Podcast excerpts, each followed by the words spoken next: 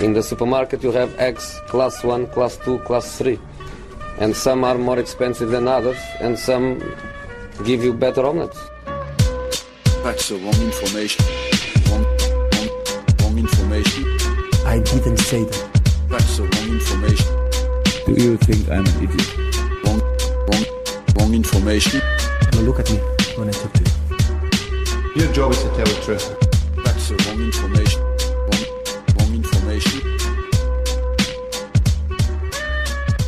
Sillypodden tillbaka igen för eh, andra gången denna vecka. Vi kör ju två gånger i veckan numer då. Eh, två är vi faktiskt i studion också idag. Ingen eh, Kalle Karlsson, ingen Patrik Syk, ingen Bränning, men däremot en Frida Fagerlund.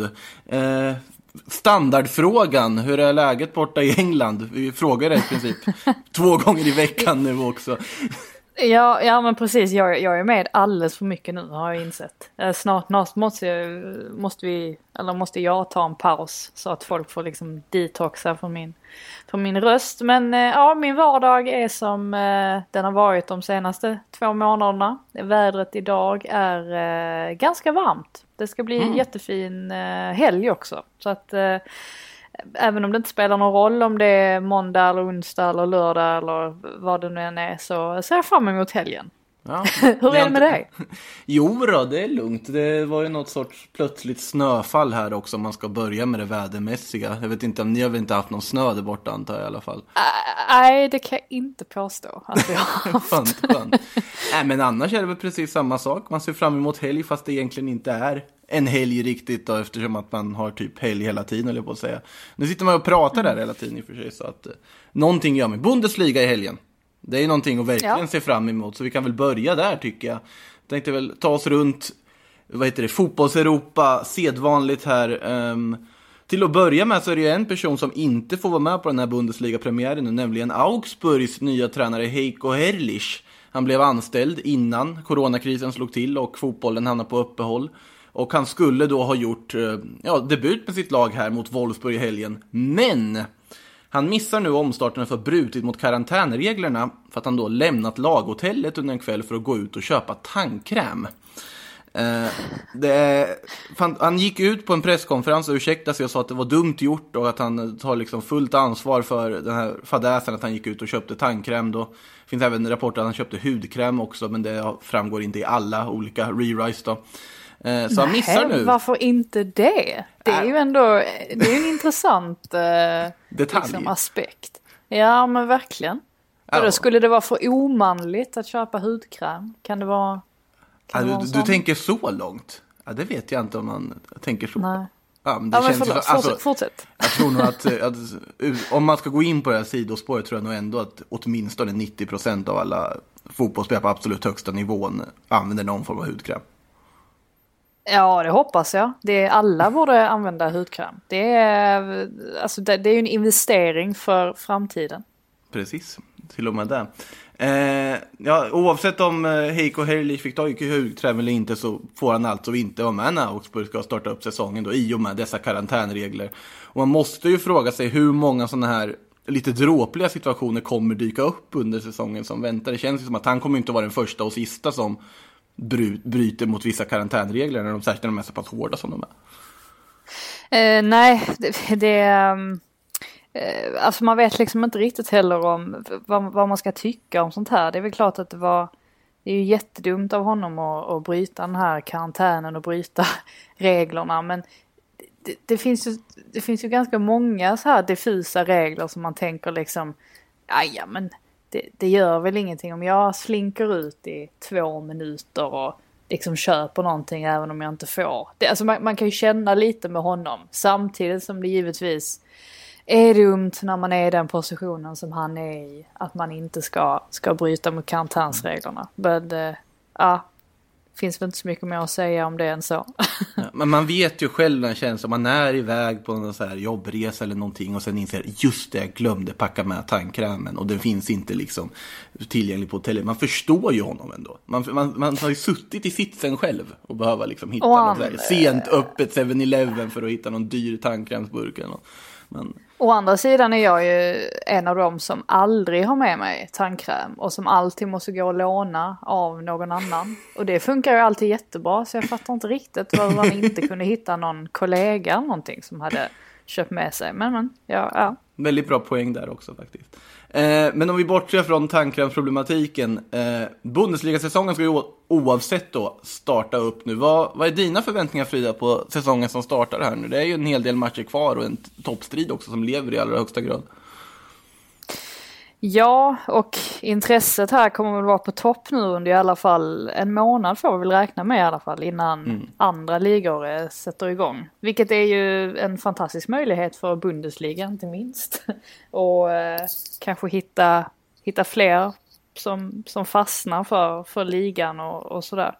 Eh, det kommer ju vara lite speciellt såklart för att alltså en stor anledning till att jag själv uppskattar Bundesliga väldigt mycket det är ju självklart alltså atmosfären och stämningen på läktarna som är fullkomligt eh, unik egentligen. Ehm, men eh, ja, vad, vad blir det liksom kvar utan det?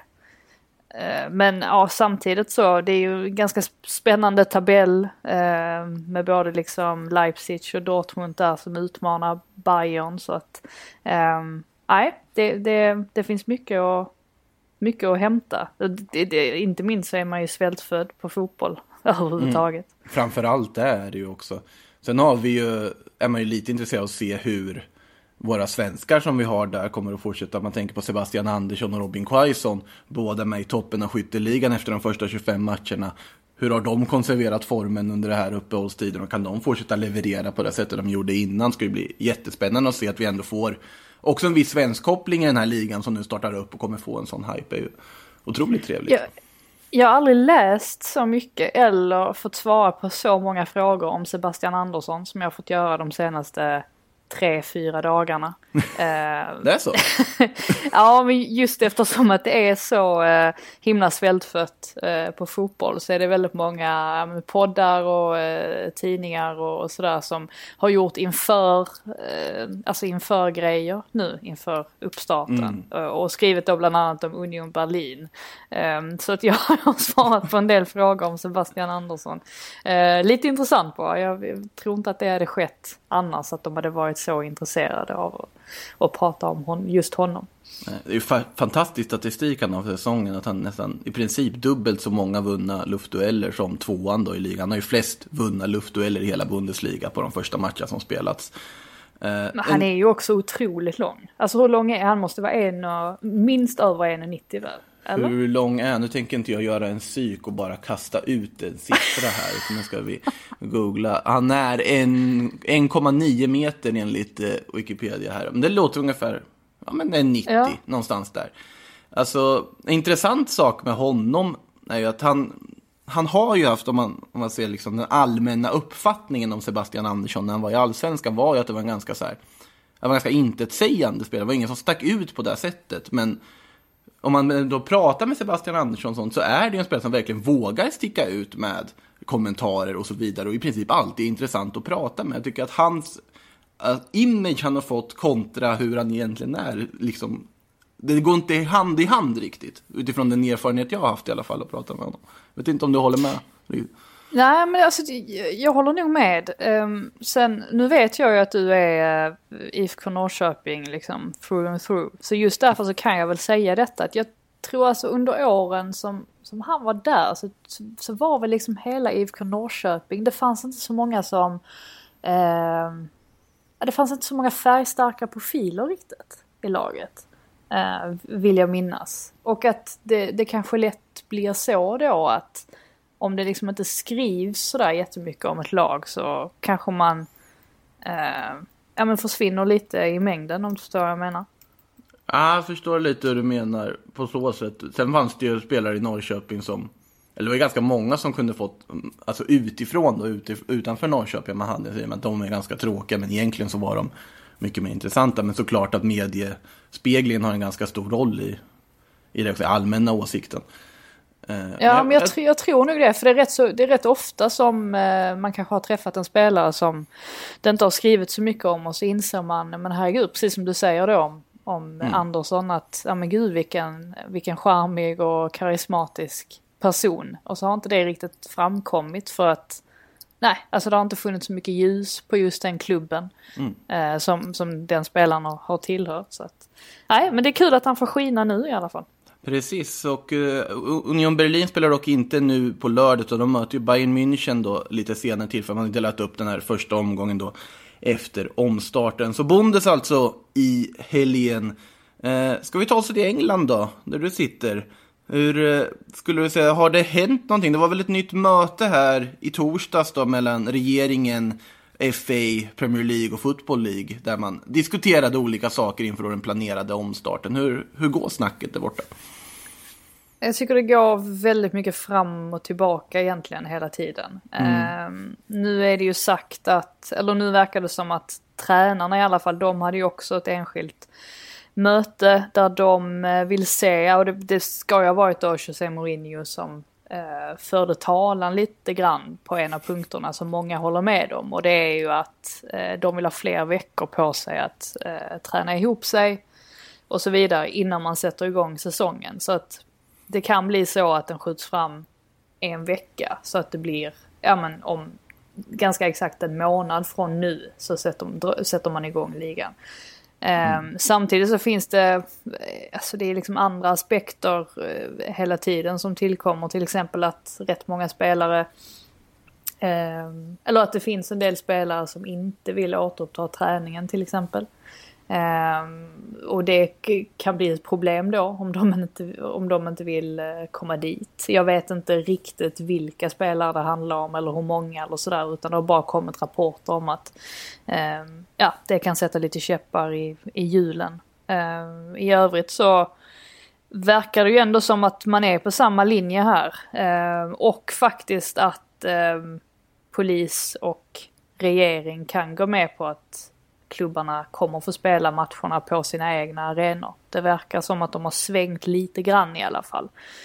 Mm. Men eh, ja, det är väl där vi står. Vi vet inte mycket mer än så. Och det kommer liksom nya uppgifter hela tiden. Så att det här, det känns som att detta kan ändras på 24 timmar liksom. Mm. Det här tränarmötet, videokonferensen, hade man ju verkligen velat haft en livestream på. Alltså, jag, jag såg att Mourinho ska väl ha sagt där till någon att, eh, som kanske inte ville dra igång eller någonting, att om ni inte vill spela så kan ni väl sitta hemma och titta på Bundesliga istället. Eller något i den stilen. Det, men det hade varit intressant att se det där mötet med de profilerna som ändå finns, tränarprofilerna i den ligan, sitta i en videokonferens. Det hade varit, det hade nog många betalat för att titta på kan jag tänka mig. Ja, absolut. Det håller jag med om. ja. Eh, någonting som däremot verkar mer eller mindre klappat och klart, i alla fall kommunicerat så, är ju att eh, man nu har kommit överens mellan Premier League-klubbarna om att man ska få skriva vissa typer av korttidskontrakt med spelare vars kontrakt går ut då den 30 juni. Vilket sannolikt då kommer bli mitt under avslutningen av säsongen. Och att man då kommer få fram till 23 juni att förhandla fram då dessa korttidskontrakt som ska sträcka sig då säsongen ut helt enkelt tills Premier League är färdigspelad. Det känns väl som ett ganska logiskt drag att göra och ganska rätt drag för det finns ju många spelare som säkert kan tänka sig att spela några extra veckor med sin klubb bara för att få spela färdigt säsongen helt enkelt. Ja men precis. Och det var väl det, detta som var eh, ett av de större problemen från första början när man pausade ligan. Och då pratades det ju om att man skulle veckoförlänga kontrakt eh, och så vidare. Och så pratar man då lite om ja, men hur kommer detta mottas av spelare? Så att det, det känns väl rimligt att man har hittat en, en lösning på det problemet. Ehm, sen får man ju se det ju finns ju ändå en del spelare som alltså inte har kommit överens med sina klubbar då. Eh, mm. Och sådär. Så det, det kanske, det kan ju bli så att man, eh, ja, att man, att man säger farväl på inte så good terms. Men eh, det återstår väl att se hur det kommer att sluta. Men det finns ju vissa namn, tänker spontant där. Fertongen till exempel i Tottenham och David Silva i Manchester City och sådana som. Det, det, kan bli diskussioner helt enkelt hur det kommer bli. Och det finns ju också andra Alltså nästa klubb har väl någonting att säga till om i olika fall också. Så det, det kommer ju fortsätta vara juridiskt krångligt här under sommaren även om man har fått någon form av besked nu. Ja men precis, det är lite det jag också eh, alltså, tänker mig. Eh, och inte minst då, jag tror det, den spelare jag tänkte främst på var en sån som William som Mm. man vet med, med säkerhet kommer att lämna Chelsea och som har varit eller haft diskussioner med Arsenal och det, det är ju andra klubbar som också har, har nämnts eh, kring honom. Eh, så att ja, vi, vi, vi får se om det blir eh, ja, precis som du säger, om det blir problematiskt eller om det kanske löser sig fint. Jag vet David Silva i alla fall, han, han har ju uttryckligen sagt hela tiden att han kommer inte ta något beslut förrän säsongen är helt färdigspelad. Så där kan man ju räkna med att det kommer gå ganska lugnt till i alla fall. Ja. Någonstans det faktiskt går ganska lugnt till just nu, det är ju ändå Spanien, på tal om David Silva också. Det fortlöper helt enkelt då de här olika faserna man har tills man ska börja spela fotboll igen. Och fas 3 då av denna ja, flerfacetterade process inleds då på måndag. Där man plötsligt kommer nu få träna med tio spelargrupper på olika delar av planen. De ska dessutom ha olika färger, en vit boll och en rosa boll ska det vara också enligt då reglementet. Och dessutom är det nu tillåtet med tränarinstruktioner då planen tränaren får gå in och säga vad de ska göra, si och så. Så det känns ju som att det rullar på ganska smidigt, i Spanien i alla fall, inte mycket annat att berätta därifrån i övrigt. Eh, Italien däremot är det ju inte lika smidigt. Eh, även om italienska fotbollsförbundet och den italienska regeringen till slut nu kommit överens om ett medicinskt protokoll för återstarten av Serie A. Det skedde tidigare i veckan. Men flera klubbar har ju redan motsatt sig då den här överenskommelsen baserat på ja, reglerna helt enkelt för hur det ska bli ifall någon visar sig vara smittad med covid-19. Till exempel att den här reglerna som finns nu ska ge då en automatisk 15 dagars karantän för hela spelargruppen ifall någon då får viruset. Och det här har man ju då flera klubbar, enligt uppgifter bland annat Inter, Milan, Napoli, Fiorentina, Cagliari, Verona, Atalanta, Sampdoria, Genoa är de jag ser på listan som jag skrev ner här. Har motsatt sig detta då. Och eh, för att problemet är ju att om du ska liksom hindra att någon blir smittad så måste du isolera truppen. Och då blir det ett jättestort träningsläger och vissa klubbar, bland annat Inter, menar då att det är ju helt logistiskt omöjligt att genomföra en sånt isolerat träningsläger på det träningslokaler man har. Eh, Hur ser du, det är ju ingen lätt fråga du får här nu överhuvudtaget, det är ingen som kan svara på den här frågan. Men hur ser du, Frida, på det här att det är ju problematik att isolera en grupp på det här sättet också och att kräva att man ska kunna isolera en grupp på det här sättet. Jo, det är det absolut. Och jag vet att vi har lyft det i, i flera avsnitt Mm. eller att jag själv eh, också har gjort det. att det, det är väl klart att det kan komma till en punkt att även om man kommer igång med allting och, och det, det ser ut att gå ganska smärtfritt ett tag så sitter man ju och väntar på att någonting ska ske som gör att de måste antingen pausa ligan igen eller att det måste vidtas andra åtgärder. Så att jag har förståelse för att eh, man tycker att det känns liksom eh, ologiskt att, eh, att återgå till, till att liksom ja, för, försöka dra igång igen och trots att det finns så många potentiella hinder. Sen samtidigt så måste man kanske ta chansen också. Alltså det, det står väl lite för mycket på spel möjligtvis. Eh, från att man liksom inte ska, ska bromsa det här helt. Eh, så att, äh, men det är ju en jättesvår fråga. Man, är, man är så trött på detta egentligen. Ja, jag håller helt med dig. man, man, man kan inte, det är bara spekulationer hela tiden och det är ju i hela världen är det spekulationer. ingen, det är ingen som riktigt vet alltså hur, hur det kommer att se ut om två veckor eller tre veckor eller fyra veckor. Alltså jag, ja, man, man får bara försöka ta det dag för dag. Sen, eh, nej se till så att man liksom håller koll på situationen hela tiden eh, och följer utvecklingen. Så det finns inte så mycket annat man kan göra. Jag tycker det här låter ganska rätt att börja spekulera om något roligare istället, nämligen silly season-rykten som den här podden då egentligen ska handla om. För jag håller helt med. Där gillar vi att Det är spekulera. mycket roligare att spekulera i och det, även om vi inte vet någonting där och är på lika djupt vatten där så är det ändå lite roligare såklart. Uh, ska vi börja med Zlatan? Det, det har ju ändå kommit nya uppgifter med klassiker också. Corriere della Sera skriver i alla fall att Zlatan lämnar Milan efter säsongen, att han har nu bestämt sig enligt då den här italienska tidningen.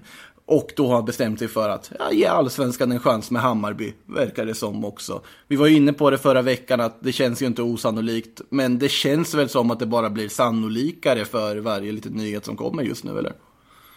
Ja, nej, men jag tycker väl det. Eh, att det är ganska mycket som, som pekar på det. Eh, och precis som vi sa då så känns det väl inte helt orimligt att han i ämbetet av eh, delägare faktiskt eh, tycker att det vore ganska kul.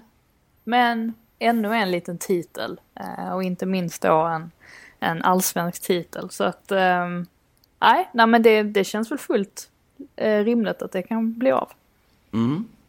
Eh, på tal om eh, återföreningar, det kan man väl ändå säga att det är efter att han ändå har tränat och spelat tränings, eller ja, matchbaserad träning eller vad man nu vill kalla det officiellt och där man hade mot Frej där. Eh, på tal om återföreningar i alla fall, Jorginho ryktas ju till Juventus just nu för att Sarri vill ju då ha tillbaka Jorginho som han hade i tiden i Chelsea och eh, enligt eh, Sky Sports ska då Sarri var helt inställd på att han ska få tillbaka Jorginho. Och gissa vad? Och gissa hur? Genom en swap deal såklart. Och då ville Juventus inkludera en viss Miralem Pjanic i den dealen. Eh, som ju har ryktats väldigt mycket till Barcelona bland annat. Vad säger vi? Frågade ju om Pjanic kontra Artur i förra avsnittet och vi frågar istället Pjanic kontra Jorginho. Vad säger du om det Frida? Alltså jag har ju ganska svårt att se att Lampard skulle vilja släppa Jorginho eh, med tanke på att Ehm, alltså han, han har ju varit en av de absolut viktigaste spelarna i Chelsea under den här säsongen och är en av de här ledartyperna som eh, Chelsea verkligen behöver med tanke på att man har så himla många unga spelare i, i laget. Det är ju, det är ju Jorginho och Aspilicueta som är liksom Chelseas lagpappor känns det lite som.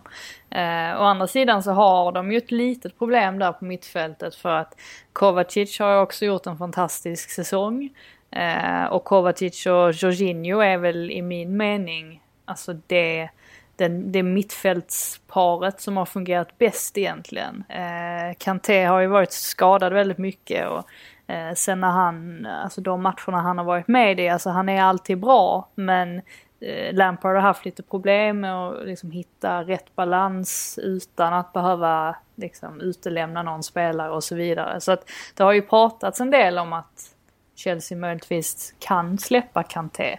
Ehm, så jag vet inte riktigt om det skulle kunna vara så att eh, om, om Jorginho själv vill till Juventus, att de släpper honom då och sen så försöker Lampard förlita sig på att Kanté kommer vara eh, hel större delen av, av nästa säsong, eller ja, eh, nästkommande matcher. Eh, eller hur man gör, för jag, jag, jag, tror i alla fall att han kommer nog inte släppa ifrån sig Jorginho hur enkelt som helst. Det, det tror jag inte. Nej, det känns ju samtidigt som att, alltså, ja du får väl lite extra cash också plus en Pjanic, men det känns som att Jorginho sett i den mittfältskonstellation Chelsea har idag passar ganska mycket bättre för han bidrar med en väldigt specifik sak på det sätt sättet vad kanske Pjanic skulle göra i ett Chelsea då. För jag tror att Jorginho har ju växt också tycker jag under säsongen. Det var ju tidigare under Sarri så var det ju mycket snack om ja men han slår ju bara Siljas passningar och kommer ingen vart. Men jag tycker ändå att han har utvecklat sitt spel och blivit en bättre spelare under Lampard också och fungerar bättre. Och man märker både på Jorginho och Kovacic hur de ändå har växt in i att spela i Chelsea på ett helt annat sätt. Så jag, jag har svårt att se att man skulle vilja göra sig av med Jorginho, precis som du säger. Eh, men om man tittar på Pjanic i alla fall så verkar Juventus vara helt desperata på att göra sig av med honom i alla fall. Och det verkar vara väldigt många klubbar som vill ha honom då. Eh, för vi ska väl kasta in Paris Saint-Germain i den här mixen också. För de ska tydligen också vilja ha Pjanic enligt Sky. Och eh, då är det då Leandro Paredes man tänker byta bort då. Istället mot Pjanic. Det är ju alltid ett byte, ska ju tilläggas. Men Pjanic kommer ju aldrig betala pengar för det, ska byta spelare här. Och, eh, ja, men det är nog ingen slump ändå att det är mycket bytesaffärer. Det har nog säkert att göra lite mm. grann med coronaviruset. Eh, och alltså klubbarnas eko ekonomiska situationer. Ja, eh, jag tror att vi kommer få se ganska många rykten om just swap mm. deals. Det känns ju spontant som om, att, om Juventus får välja mellan Jorginho, Artur och Paredes så känns Artur som ett solklart val skulle jag personligen tycka även om det verkar som att Sarri då kanske föredrar Jorginho. Det återstår att se. Pjanic verkar inte bli kvar i alla fall. Det är ju en sak som är säkert. Eh, L'Equipe skriver också om Paris Saint-Germain, när vi ändå var inne på dem, att eh, de har gett sig in i jakten på Kalidou Koulibaly från Napoli. Då Thomas Tuchel verkar vilja ha in en extra mittback då till eh, manskapet när Thiago Silva då, när hans kontrakt går ut, förväntas sluta. PSG kan ju dessutom börja figurera lite här på marknaden på ett annat sätt i och med att deras säsong är redan avslutad. De har ju redan ställt in ligan och de är redan krönta mästare. Så de kan ju bara köra här. Vad, vad säger du Frida om Koulibaly till PSG? Tror du att det hade varit någonting som passat för dem? ja, det är väl ingen som tackar nej till Koulibaly. Nej, det, det är väl i och för sig sant, ska vi tilläggas. Uh, han är ju otroligt het uh, på marknaden uh, kan man konstatera. och absolut, det är väl klart att man hade kunnat se honom i, i PSG. Eh, jag har inte sett något uttalande från honom eh, på, alltså, på den senaste tiden. För att oftast kan man ju ändå när, när en spelare blir intervjuad, de flesta säger ju sådär, ja oh, det, det vore en dröm att spela där och där. Men ibland så kan man ju avläsa lite grann vad de, vad de själva har för ambitioner liksom med, mm. med nästa steg i karriären. För de brukar ändå slänga in en liten flört sådär möjligtvis till, till någon klubb eller liga. Eh, så jag vet inte riktigt alltså, var hans tankar ligger. Eh, för att han, jag skulle kunna tänka mig att han har ganska många val här. Eh, ifall han nu eh, vill flytta på sig och det, det kan man ju tänka sig att han, att han vill. Ja, det är väl den ekonomiska aspekten som hindrar och att förhandla med eh, De Laurenti som eh, liksom ordförande och eh, makthavare i Napoli är ju inte det lättaste heller. Så, men för Koulibaly, intresset finns ju, men det är ju, frågan är ju hur mycket Napoli är villiga att sänka priset sett till coronasituationen, om vi säger så. Ja, sen, sen antar jag att eh, alltså, de engelska klubbarna är ju alltid kända för att ha mycket pengar och det vet liksom säljande klubbar också och ja. försöker trissa upp priserna ännu mer. De kan ju å andra sidan, alltså engelska klubbar kan ju också hänvisa till corona nu eh, som ett, ja, litet mm. hemligt vapen i, i förhandlingarna. Så att eh, nej, men jag betvivlar inte att det är väldigt många klubbar som hör av sig och vill ha honom för han är ju han är ju fulländad på ett sätt som är ganska svårt att hitta i en, i en mittback nu för tiden. En mittback mm. måste vara bra på så himla många olika grejer och det finns oerhört få mittbackar i, i världen som liksom besitter samtliga egenskaper. Så att, eh, nej, vi får väl se var han hamnar. Mm. På tal om det du nämnde om att man ofta ska urskilja någonting i vad en spelare säger så kan vi ju titta på det som Pierre-Emil Höjbjerg har sagt att han vill spela på en ännu högre nivå än jag är på för närvarande, men relationen mellan mig och Southampton är fantastisk. Det känns ju som ett ganska politiskt korrekt svar i ett läge där lag som Tottenham och Everton kopplas samman då med honom. Ja, absolut. Jag såg detta ryktet för det var ganska länge sedan det dök upp där först med, med Ja, det har ju pratats om ett tag.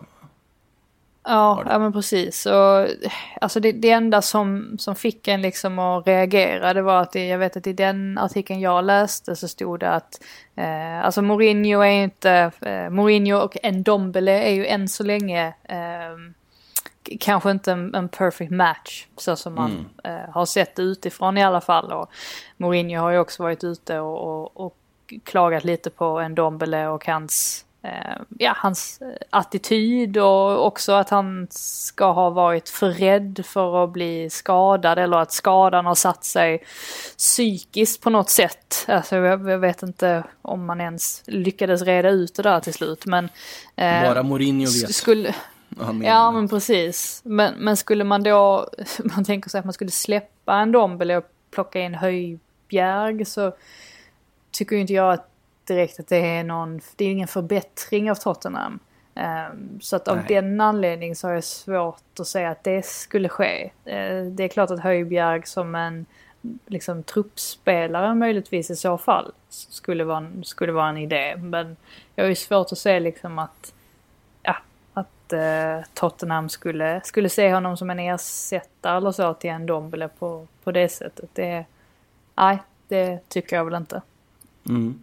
På tal om, ja, Höjberg känns ju som någon form av budgetalternativ i ett läge där du inte riktigt har råd att värva tyngre, även om han säkert skulle kosta sin slant också, sett till att du värvar från en Premier League-kollega.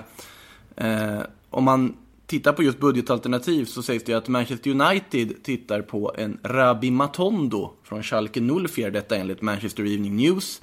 Och där då som någon sorts kortsiktigt, eller kortsiktigt är det väl inte om man är 19 år, utan det är väl värvat för framtiden. Men i alla fall som ett B-alternativ till att gå för Jadon Sancho den här sommaren. Eh, jag ska väl ärligt talat säga att Rabbi Matondo är ett helt nytt namn för mig. Jag vet inte Frida, har du hört talas om Den eh, unge engelsmannen? han väl till och med. Nej, alltså Manchester Evening News skrev om honom för ja, en, en tid tillbaka sedan och då, då googlar man ju liksom namnet och kollade upp honom lite. Ehm, jag tycker, man tycker sig se en trend i United som, som är ganska så hälsosam ändå. Att det är många sådana här unga spelare som, eh, som kopplas till klubben. Eh, vilket förstås är uppfriskande för det måste ju innebära att de liksom eh, när man tänker just alltså, långsiktigt i sina rekryteringar. Vilket man får se som positivt. Så att eh, det, det kan väl mycket väl ligga någonting i det här. De plockade ju Bellingham för det, det var ju inte så länge sedan heller. Ja. Ehm, så att det, det är ganska många sådana unga talanger i, ehm, kring Manchester United just nu.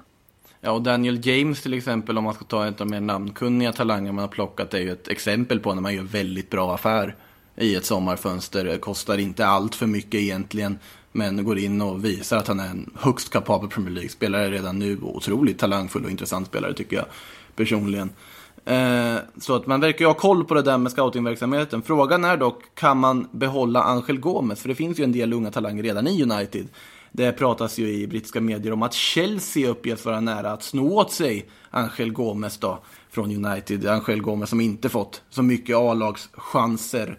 Vad säger du om det här Frida? Angel Gomes, är det något att sno åt sig eller är det något som United måste beskydda eller vad, vad tycker du? Ja, alltså jag vet inte riktigt hur- alltså, hur mycket det har varit spel för gallerierna och inte. För jag vet att eh, under hela säsongen egentligen så är det väl framförallt hans rådgivare som har varit ute och, och de ska inte vara speciellt nöjda med de här kontraktsförslagen som Gomes har fått och tycker att han förtjänar mer pengar. Och jag har inte riktigt ehm, jag har inte riktigt förstått om, om det bara är så att man försöker liksom trissa upp um, kontrakts förslaget liksom eller pengarna man har erbjudits eller om han faktiskt liksom kommer lämna. Eh, men det är väl klart att Chelsea är en sån klubb som kanske hade passat honom ganska bra i så fall. Han är ju um, han är ju ganska kort för det första. Jag tror inte att han är mycket längre än vad jag själv är. Och eh, väldigt teknisk och sådär. Så han är ju en spännande spelare på så vis. Um, så det är väl mycket möjligt att det kan bli av. Frågan är väl egentligen hur, hur gärna Manchester United vill behålla honom. Eh, Eller om man kan tänka sig att vara villiga att släppa honom, till en konkurrent. Det är väl, det är väl, ja, så det är väl, bollen är väl i Uniteds korg. Ja, man, kunna man, har, ju- man har ju någon sorts Lex Paul Pogba här också. Man tänker på en talang som man släppte och sen köpte tillbaka för en miljard x antal år senare. Nu är det svårt att se att Angel Gomes kanske ska utvecklas på samma nivå, men man vet ju aldrig helt enkelt. Vi får se hur United agerar där. Eh, deras eh, lokalkollega eller lokalkonkurrent Manchester City har enligt Evening Standard sagt att man säljer Leroy Sané denna sommar om rätt pris kommer in helt enkelt och Sané inte vill skriva på ett nytt kontrakt. Förutsatt då att ja, man får in rätt pris och att man vill egentligen behålla Sané men om man inte skriver på så, vad ska man göra liksom? Eh, vad säger du om det? Känns väl som det vettiga i det här läget. Man kan ju inte hålla kvar en spelare mot sin egen vilja och det är ju ändå Pengar kan ju bli ganska viktigt att få in också i dessa tider dessutom. Så att om man kan få lite pengar för Sané kanske det ändå är rätt läge att sälja i sommar. Ja, absolut. Och som sagt, detta är ju en affär som har eh, alltså, pågått hur länge som Ja. helst och som skulle ha skett redan i augusti om han bara inte hade skadat sig. Så att det känns väl som, som det naturliga egentligen, att alla parter blir nöjda. Så får vi se om, om Bayern vill eh, hosta upp pengarna eh, eller inte. Men eh, man kan väl tänka sig att de också vill vill, eh, vill ha in en sån spelare som honom och som är tysk inte minst. Alltså det, det betyder säkert en, en del också och de i, i deras generations, pågående generationsväxling och så vidare. Så att eh, nej, vi kan nog räkna hem den tror jag. Man har ju i Bayern skulle det vara skönt att få in också någon spelare som verkligen man köper in som är tänkt att liksom ligga bakom i deras offensiv, en föryngring dessutom. Nu har man ju fått förlita sig lite på lånedeal som inte blivit några köp i slutändan trots köpoptioner tidigare. Coutinho är ju där nu och eh, är har man ju redan gjort klart att man kommer inte behålla honom. Och innan det så var det ju en viss James Rodriguez. Och med det sagt, James Rodriguez nu i Real Madrid får inte så mycket speltid, haft skadeproblem. Och enligt eh, colombianska källor då, den colombianska journalisten Javier Hernandez Bonet på Blue Radio. Ni får tolka den här källan bäst ni vill och värdera den. Men eh, han säger i alla fall att samma källa som sa till oss när han flyttade till Bayern München har sagt att operationen är 80% klar. Vilken operation? Jo, den som ska ta honom till Atletico Madrid istället för Real Madrid. Eh, pratades ju om det här förra sommaren också.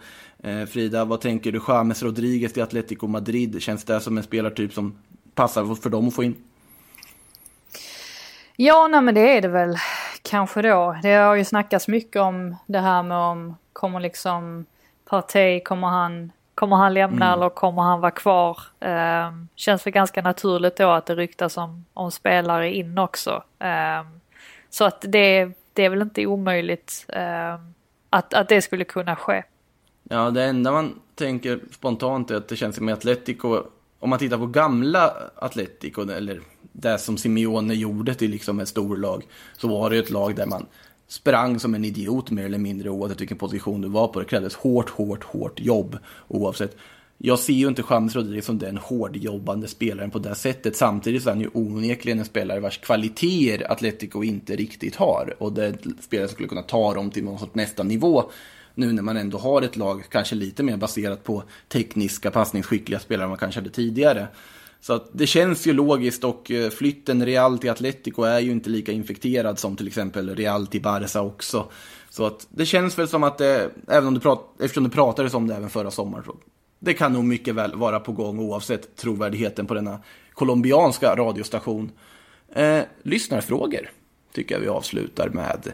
Eh, och vad har vi där då? Vi kan väl se vad Patrik Magnusson frågar här. Vad händer med Theo Hernandez?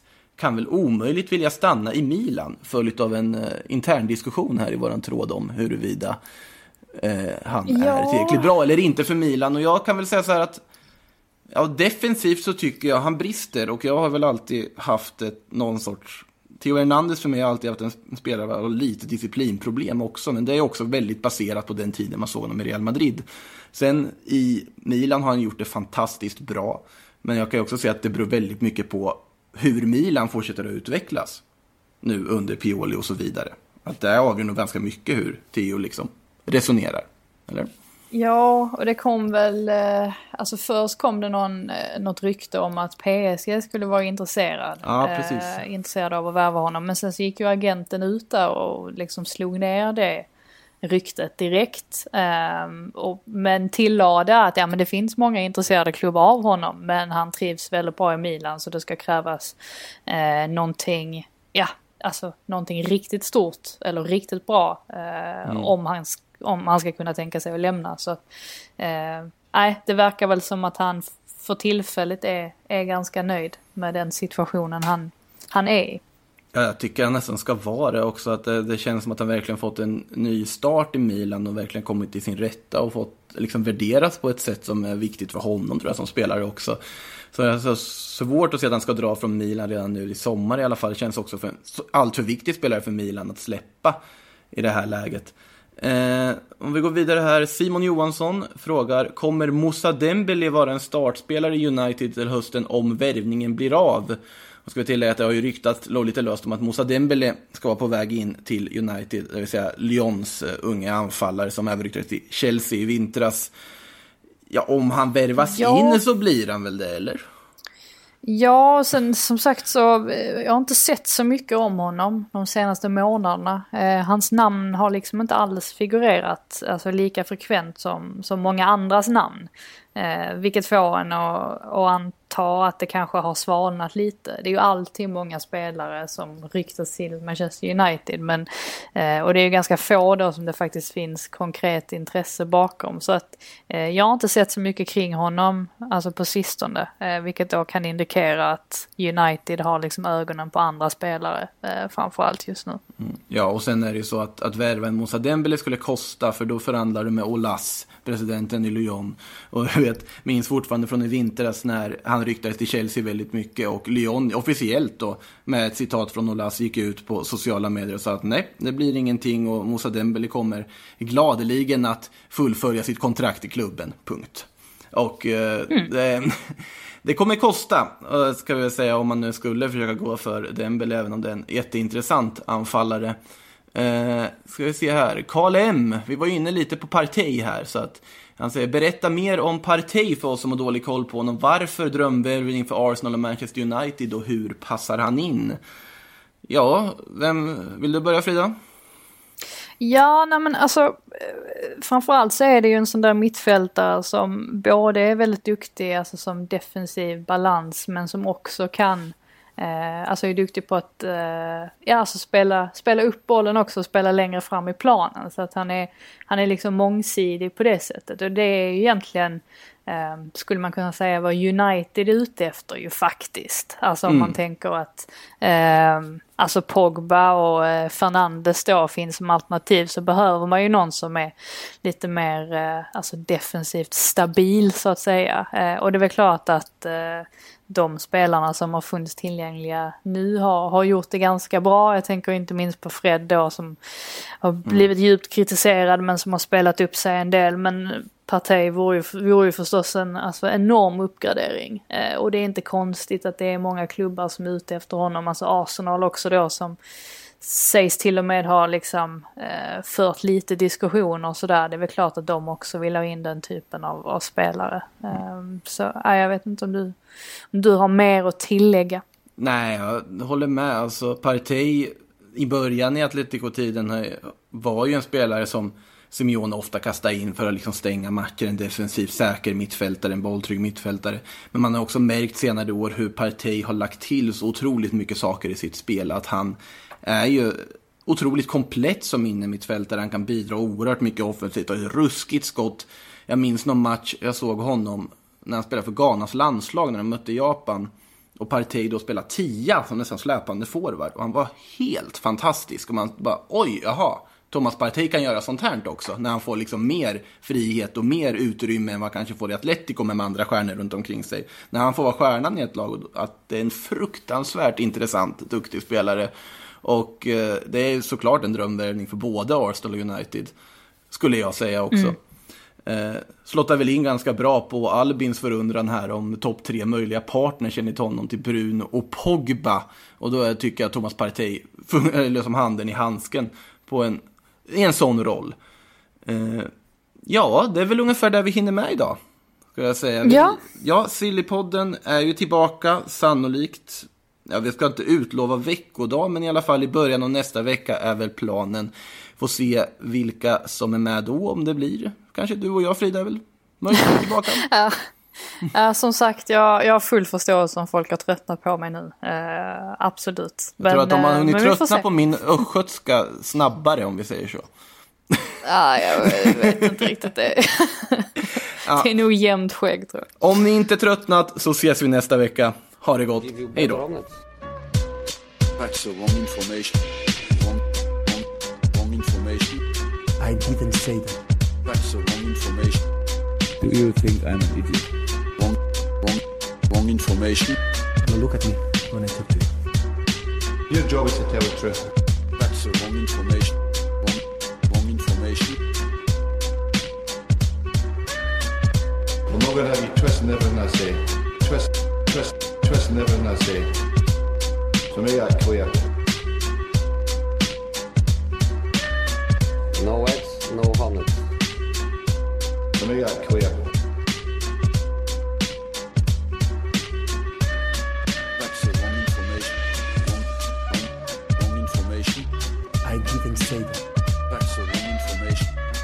You think I'm an idiot? Wrong, wrong, wrong information. Now look at me when I talk to you. Your job is to tell the truth.